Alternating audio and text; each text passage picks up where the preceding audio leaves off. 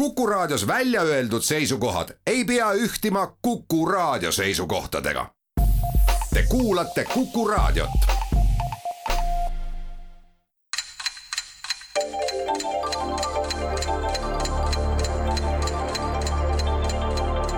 tarkade klubi tere taas, Kuku raadio Tarkade klubi tervitab häid kuulajaid lahke lehekuu esimesel laupäeval, mis ometi aja ja asjakohast õhutemperatuuri näitamas nõnda, et siidisabad, vainurestad ja kuusekävilinnud on täistämbrit julgemas kasutada ja meie kõigi kuulmismeeli oma maheda lauluga rõõmustavad. laulmisest kõneledes oleme enam kui kindlad, oma kuulajate tublidust uskudes, on homset silmas pidades paljudel neist peas read. üks paigake siin ilmas on, kus varjul truudus, arm ja õnn, kõik, mis nii harv siin ilma peal, on pelgupaiga leidnud seal Liidia Koidula ja Robert Theodor Hanseni loodud laul Ema südamest kuulub kindlasti homsel emadepäeval enim esitatava repertuaari hulka nii kontsert kui kammersaalides, kodudest rääkimata. meie Tarkade klubi on oma uuest tulemisest tervitamas saabuvat emadepäeva üheksandat korda ja sellel pühal hoidmas rangelt traditsiooni ehk pühendamas maikuu teisele pühapäevale eelnevat laupäeva kui ka vahel sellele järgnevat laupäeva maailma kõige olulisematele inimestele ehk emadele olge õnnitletud, kallid, ka Tarkade klubi Viksi Tõlaste poolt. ja muidugi on selle päeva traditsioon võõrustada stuudiotes eranditult ja ainult kauneid emasid. esmalt teeme kraapsu ja kummarduse Tartu stuudio suunas ja õnnitleme ning täname tulemast tõlkija ja toimetaja, kahe lapse ema Tiina Randus. tere! ja Tiina paarilisena siin saates esmakordselt Kivilinna kooli ajaloo ja ühiskonnaõpetuse õpetajat, kolme lapse ema Inga Toom. tervist! Tallinna stuudios on aga hea meel üle tüki aja näha ja kuulda tõlkijat ja vabakutselist giidi kahe lapse ema Kristiina Raudseppa. tere! Kristiina paarilisena aga finantsnõustajat, ühe lapse ema Kairit Vaarikut. tere! tore, et olete meiega siiralt kohe ja tänase saate kümme küsimust on seatud teile ja kuulajatele üles järgmiste teemade alla. mõjukad naised, abielud, loodus, sport ja Vaaria. küsimuste autorid, nagu viidatud, on oma tublide emade vahel mitte väga tublid, aga siiski püüdlikud lapsed. Kivimäe kooli ajaloo ja ühiskonnaõpetuse õpetaja Inga kolleeg, niisiis Margus Pillau, Ingliranna patrioot Enno Sivadi, raadiokuulaja, kes palub ennast pseudonüümi all Valeri Küpsis tutvustada ja siinkõneleja Timo Tarve. alustame ja anname täna avavaliku õiguse Tartu emadele, nii et Inga ja Tiina, palun. no äkki Inga, võtad sina esimese? no alustame siis mõjukatest naistest. sobib hästi ja küsimus kõlab. kes on see naine, keda ajakiri Time omal ajal sotsialismi kauneimaks näoks tituleeris? Veel ühes lääne ajakirjas on ta muljetavaldavalt silma paistnud. tõsi küll, juba sotsialismi kokkuvarisemise järel osales ta üheksakümne kaheksandal aastal läinud sajandil Playboy fotosessioonil, mida antud žurnaal talt juba kümme aastat oli taotlenud. küsitava perekonnanimi tähistab tõlkes tema rahvuse emakeele ühes murdes teatud konkreetset värvust ajakiri Time, kelle on tituleerinud sotsialismi kauneimaks näoks ja Playboy fotosessioonil siis üheksakümne kaheksandal aastal pärast kümneaastast mangumist ta lõpuks osales. tema perekonnanimi tähistab tõlkes tema rahvuse emakeele ühes murdes teatud värvust.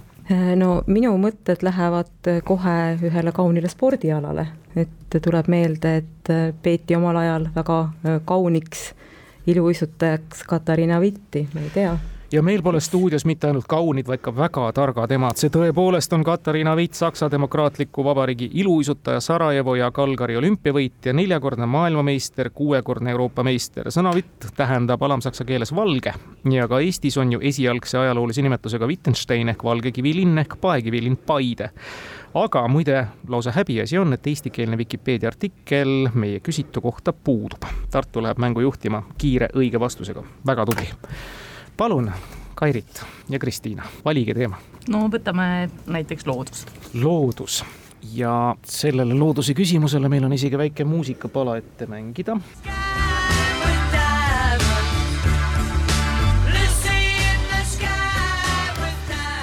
Beatlesite tuhande üheksasaja kuuekümne seitsmendal aastal välja tulnud igihaljas hitt Lucy'st taevaste emantite keskel andis inspiratsiooni lõpututele vandenõuteooriatele ja nähtustele, aga ka konkreetse nime ühele leiule Etioopiast, Hadarist aastal tuhat üheksasada seitsekümmend neli.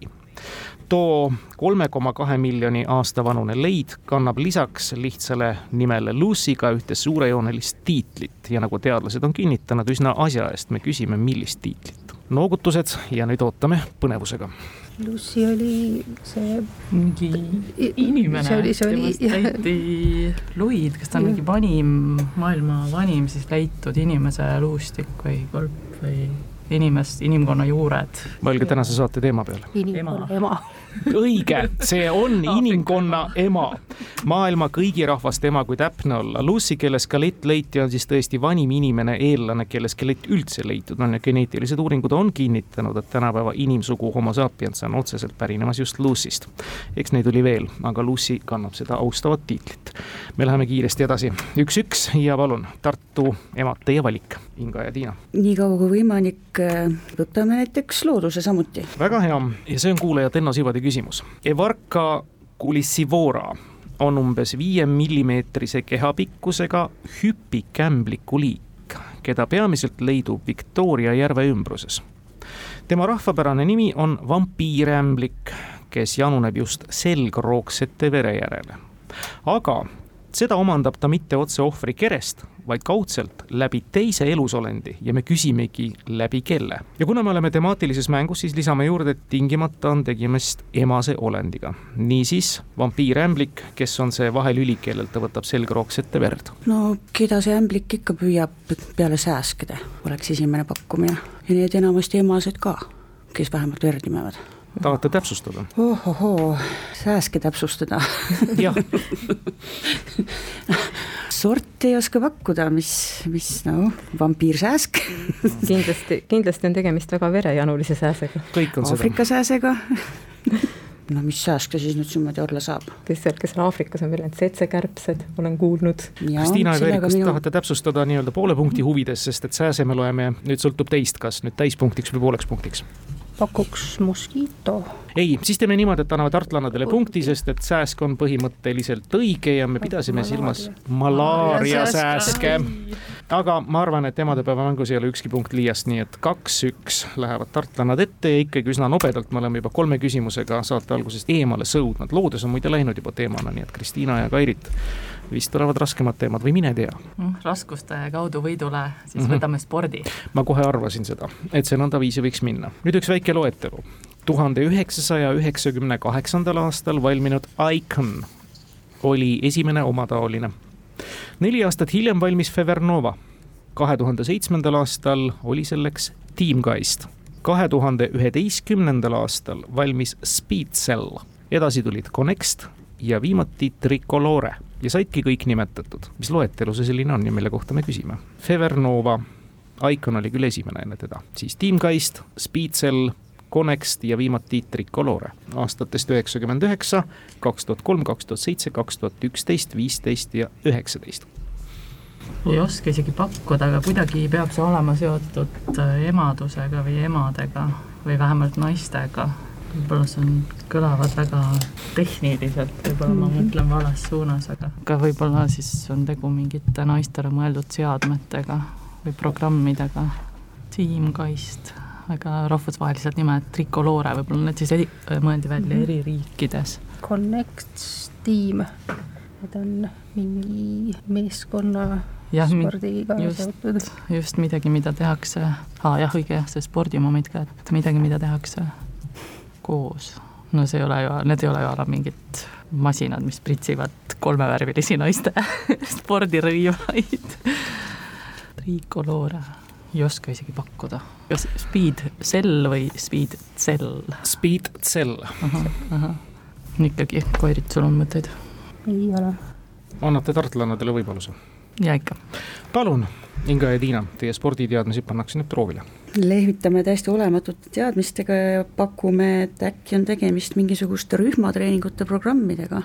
väga huvitav pakkumine, väga naiselik pakkumine ei ole kahjuks õige vastus. nii et siit jääb esimene küsimus mulle vastamata. tegemist on Adidase loodud naiste jalgpalli maailmameistrivõistluste finaalturniiride nimeliste mängupallidega nii nagu meestel kasutavad nad nimetusi Teamgeist ja Jabulani ja, ja siis on naistele loodud spetsiaalsed nimetused, nii et jalgpallide nimed ja naiste jalgpallide nimed, vot nii. ilmselt ei ole tegemist meil äh, nelja jalgpalliemmega. jaa, no pole nagu vähemasti tütred ei mängi teil jalgpalli, aga noh, aastaarvud pidid justkui nagu vihje andma, et iga nelja aasta tagant üks luuakse ja MM-finaalturniirid ja nõnda edasi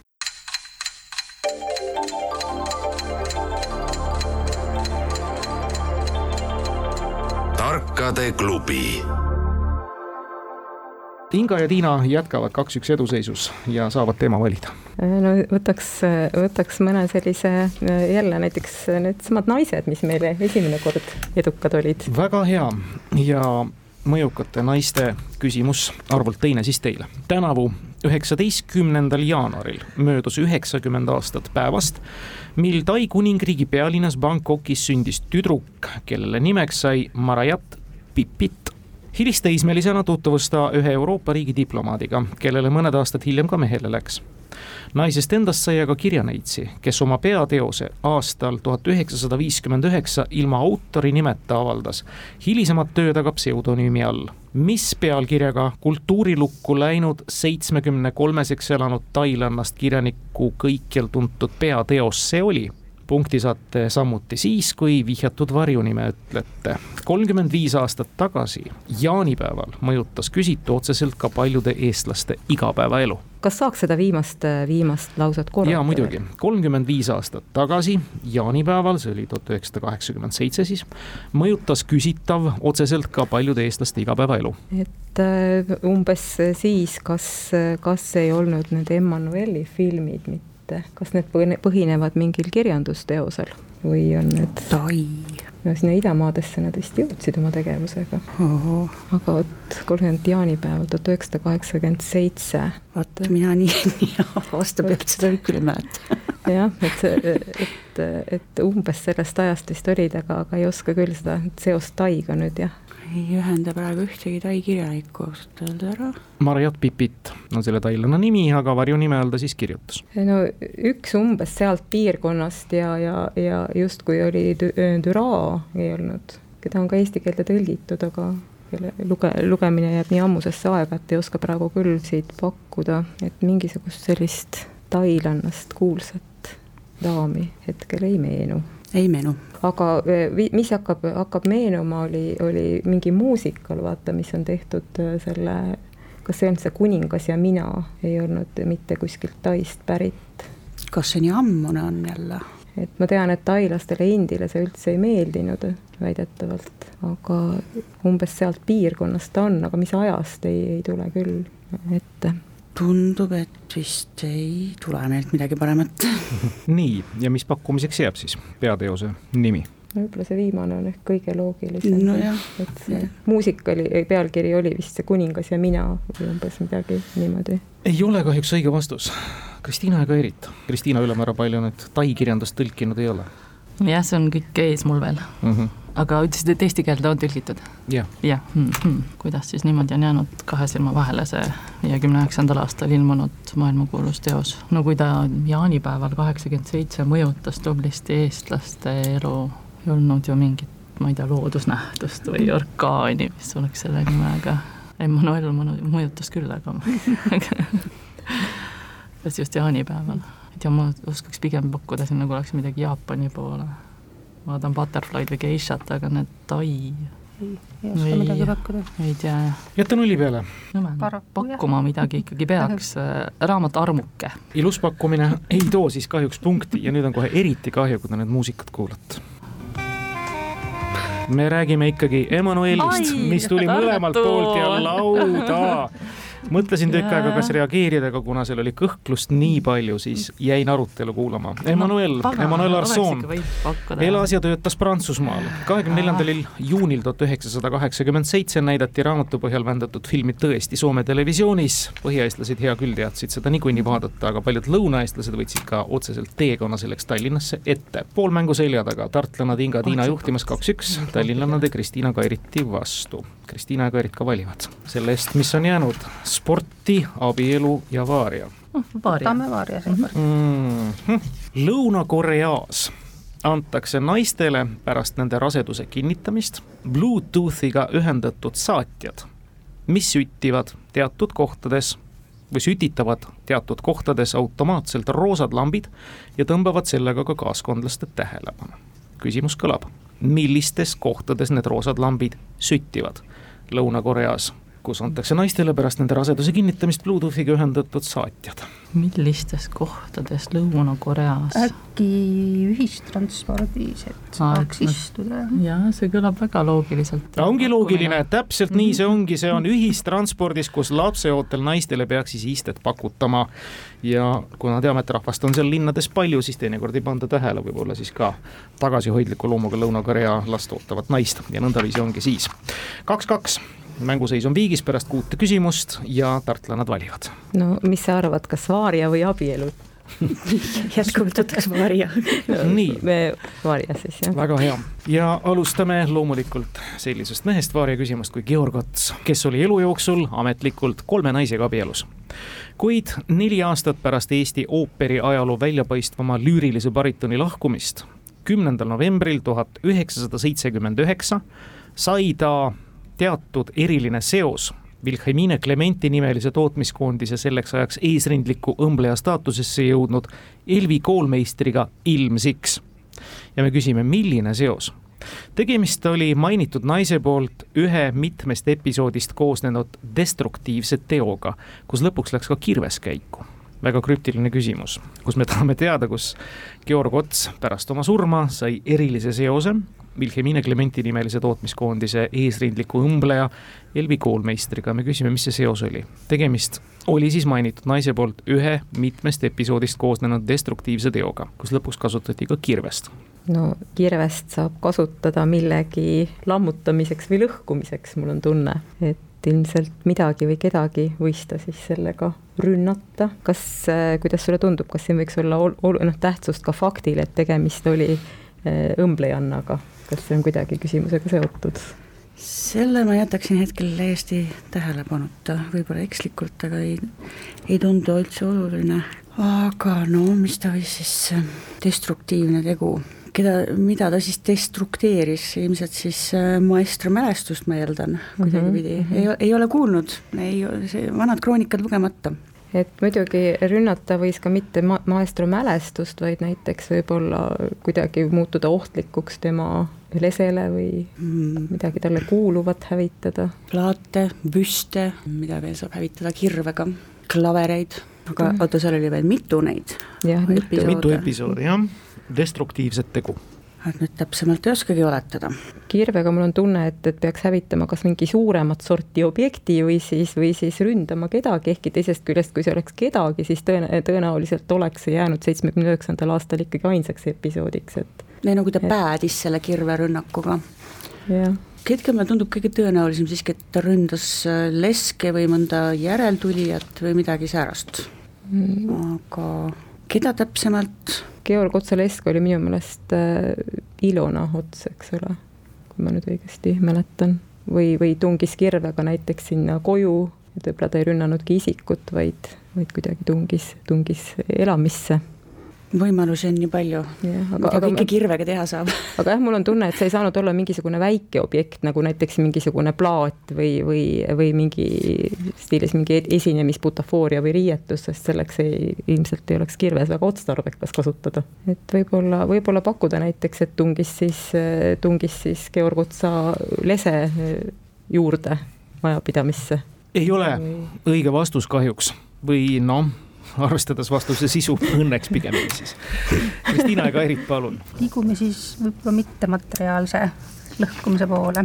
aga kirves oli ikkagi mängus kirves. tegusa naise käes, kirvega võib kindlasti paljugi korda saata, aga ütleme, et ikkagi jah mõtlesin, tal pidi aga olema mingi seos, on ju, otsaga, mõtlesin, äkki ta siis ikkagi kujutas ette, et kas tema ise on Georg Ots, mis on ebatõenäoline, või siis ta uskus, et ta on äh, ma ei tea, Otsaga abielus või et ta on kuidagi olnud talle tähtis või eh, tal pidi olema mingi, mingi seos Georg Otsaga, ta ei läinud suvaliselt oma destruktiivseid tegusid tegema, vaid tal oli selleks põhjus.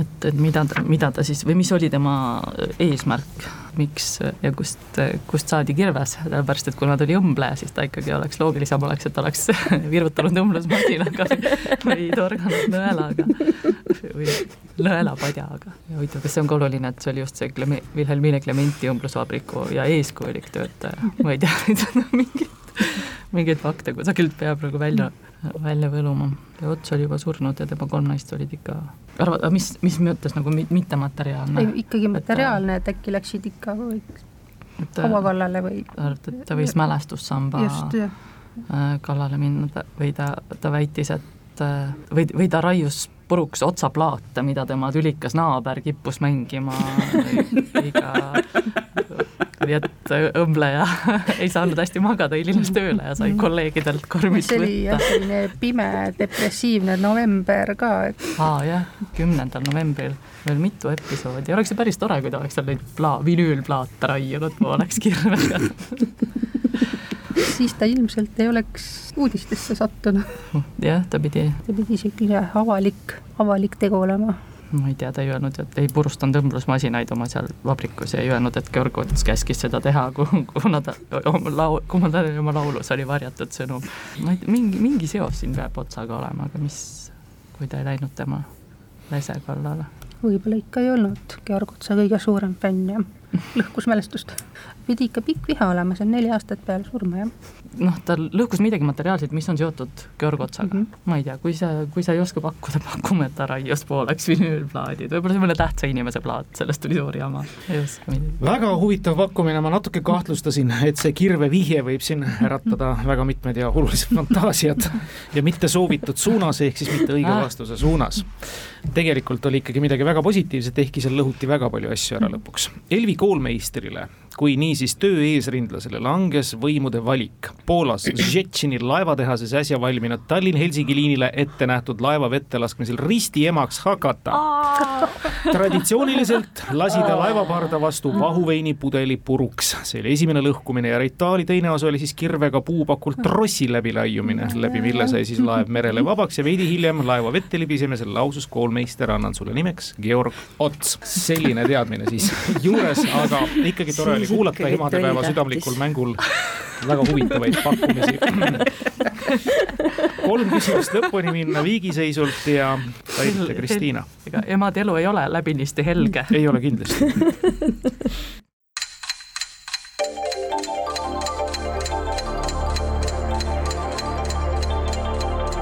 tarkade klubi võtame uuesti selle hirmsa sporditeema. ja, ja päris konkreetne spordiküsimus.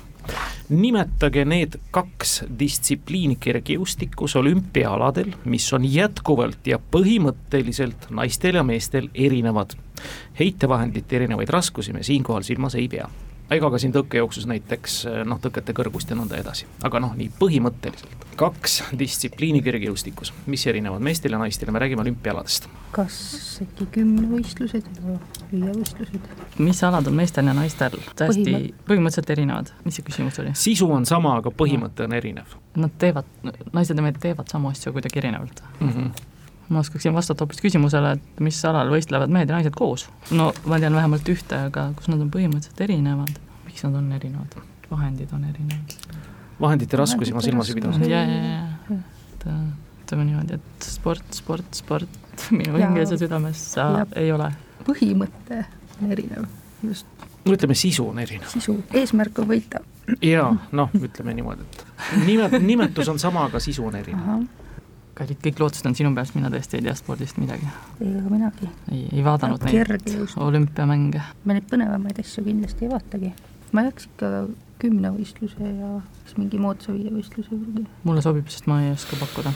nii, Inga ja Tiina, kuulame ka teid no nii palju, kui mina tean, siis kergejõustikustaadionil mehed võistlevad omavahel kümnes alas ehk kümnevõistluses ja naised seitsmevõistluses.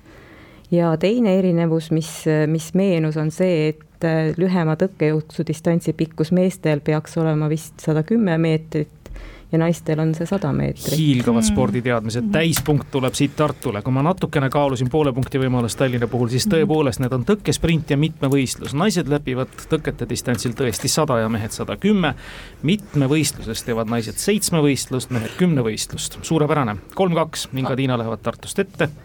Ja Kairit, Kristiina siis enne kahte viimast küsimust on ühe punktiga maas.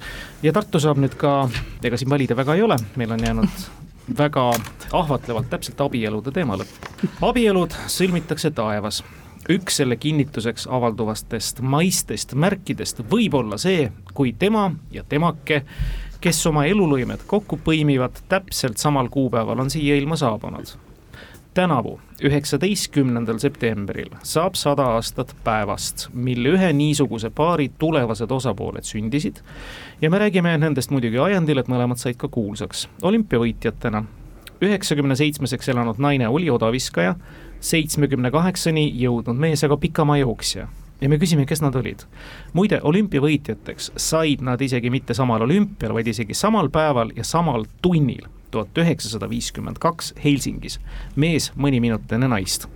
Nende ühine perekonnanimi kirjutatakse kummagi puhul mõnevõrra erinevalt. no ega ma selle aja sportlasi väga palju ei tea, üks, kes meenub, oli eh, Zatopek, kas ta oli sellel ajal ja kas tal oli ka proua Zatopekova siis et no hiilgavad teadmised, mis ma oskan öelda just nimelt kergejõustiku ja spordi vallas. ma natuke kahtlustasin, et see küsimus võib olla pikem arutelu peale minna, aga tõesti, Emil Zatopek ja Dana Sotopkova on siis täpne. Emil sai olümpiakullad ka veel lisaks Londonist ja siis nagu öeldud Helsingist, Dana Helsingist. Tšehhi traditsioonist tuletatakse siis abielunaise nimi tema mehe nimele liite ovaal lisamisel. nii, te haarate siit nüüd neljanda punkti ja Tallinnal ei jää nüüd muud üle, kui vahet minimeerida, aga ilmselt see siis täna allajäämist nüüd ei päästa neile, aga ikka abielu küsimus ja see tuleb Valeri Küpsiselt. ja tema tahab teada järgmist. Euroopa suurima riigina ja väga suure ning mitmekihilise kultuurina eristub ja särab Ukraina väga paljude asjade poolest maailmas kaasa arvatud teatud traditsiooniliste rituaalide puhul, mis puudutavad abiellumist ja me küsimegi, üht sellist eripära. nii Ukrainas, aga muide näiteks ka Leedus, Norras ja veel mõnes riigis järgitakse üht laulatuse rituaali risti vastupidi muule maailmale väidetavalt on see tava pärit vanast Roomast ja otseselt on nimetatud selle eeskujudeks Julius Caesarit või Cicerat. ja kui juba Roomat sai nimetatud, ütleme siis ära ka meie küsitava rituaali subjekti ladinakeelse nimetuse. see on digitus annularis, mis siis on Ukraina laulatuse puhul risti vastupidist teiste maailma riikide laulatusega, kui subjektiks on tiigitus annulaaris. annulaaris viitab nagu, vot kelle kord vastab? Tallinn vastab. Tallinn vastab mm. -hmm. just, jätkame lauset nagu millegi tühistamisele. just. liigitus, liigitus on nagu number või? nagu digit või risti vastupidi mm. -hmm. Ukraina pole ainus, siin on nimetatud veel Leedu mm -hmm. ja mhm. Norra ja veel mõni maailma riik mm. -hmm. ma ei tea, kui, kui, kui abielludes antakse allkiri, et sa oled abielus, siis seal antakse enne allkiri, et sa ei ole kellegi teisega abielus või? vaid sa millegagi kustutad allkirja. kustutad jah, või vastupidi, antakse suur ja mingi, annakse võimalus kuidagi kustutada. Cicero ja Caesar tegid ka seda vanas Roomas. no mis veel, mis veel tehakse, kui abiellutakse? pannakse, võetakse sõrmus sõrmest ära või? ma ei tea, pannakse sõrmused sõrme. vaevalt, et kui mujal maailmas lubatakse armastada ja austada üksteist elu lõpuni, siis nendel on mingi selles osas midagi vastupidist öelda. ja noh, ilmselt see ka ei ole nime võtmisega midagi midagi tühistatakse, aga mida? nime kustutamine. nagu tavaliselt saavad nagu uue ühise nime, siis, siis vastupidi, kuskil nimi kaob ära või? ei lisata enam isa nime. ja oleks pidanud ladina keele tunnis ka vist paremini tähele panema.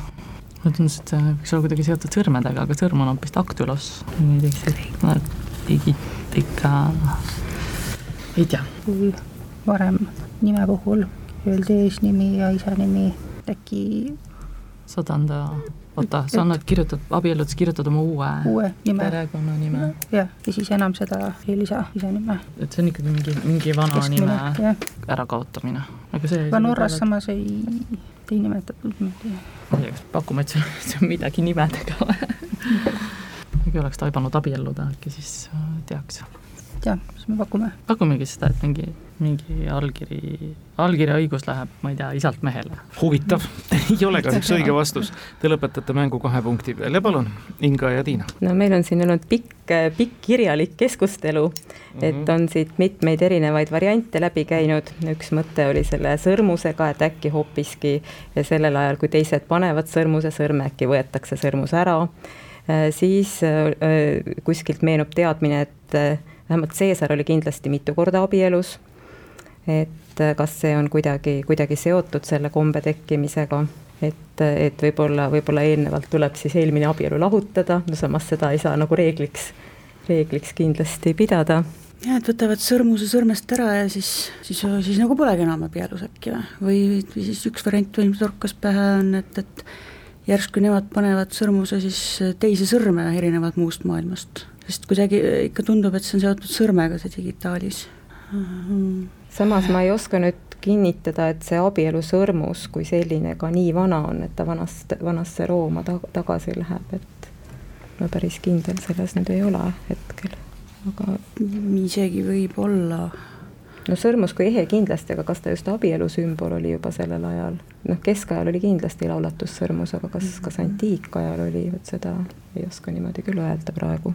no mulle endale meeldib kõige rohkem see ikkagi see sõrmuse äravõtmine kui, kui lahutamine, aga samas laulatusrituaali küsitakse mm.. laulatuse käigus nad seda vast ära ei võta ju võib-olla, aga võib-olla panevad kihlasõrmuse siis te, noh, et, et võib-olla on ennem kihlasõrmus ja panevad sellesama sõrmuse siis teise, teise sõrme näiteks laulatussõrmusena. kuidas selline komme võiks tunduda hmm.? me vist ühtegi uut pakkumist ei tule, rohkem ei tule. et formuleerime siis kuidagi niimoodi, et on seotud siis sõrmuse sõrme panemise, sõrme panemise traditsiooniga või umbes niimoodi see on kena Andres Keililik isegi, ma ütleks, selline poole punkti pakkumine, mis jah, tõesti pool punkti teile ka annab. saatejuhi otsusega neli pool teile. Digitus annulaaris on tõepoolest üks konkreetne sõrm, see on emma kumma käe neljas sõrm ehk siis sõrmuse sõrm, kuhu sõrm asetatakse laulatusel. vaadake Ukrainas ja tegelikult ka Venemaal ja väga paljudes slaavi riikides eeskätt ja millegipärast ka Norras pannakse abielusõrmus mitte vasakusse, vaid alati parema käe neljandasse sõrme mujal maailmas on see komme ja traditsioon, et abielusõrmus pannakse vasakusse kätte neljandasse sõrme. see on see kombe erinevus. aga tänane väga resultatiivne ja tegelikult ka üsna nobe mäng on lõppenud siis tartlannade neli pool kaks võiduga, meie mängutraditsioon näeb ette ka teie arvates täna parima kostunud küsimuse ärahindamise, äramärkimise mis teie arvate, Inga ja Tiina, mis oli tänase mängu parim küsimus? no üks, mis jäi, jäi vastamata, oli see äh, proua Taist mulle endale meeldis ka näiteks see viimane küsimus, mis, mis on, tekitas sellise arutelu. just. et, et. ehk siis Emmanuel, kes jäi tundmata või tegelikult ikkagi oli tuntud, aga jäi lauda siis piltlikult öeldes nii, mida Kairit ja Kristiina arvavad? mulle meeldis päris ka see Georg Otsa küsimus, kui oleks olnud veel natukene see oli ka hea, jah, jah, täitsa nõus. mõni vihje, siis see oli täitsa, seda oleks võinud äh, välja mõelda. nõnda siis Elvi koolmeister, eesrindlik õmbleja kui Georg Otsa mm, -hmm. kui laeva ristiema kirvega aga tänan teid, armsad emad Tartus, Inga ja Tiina, Kairit ja Kristiina Tallinnas. ilusat homset emadepäeva soovides, aitäh teile tulemast, ilusat kevade jätku ja kuulmiseni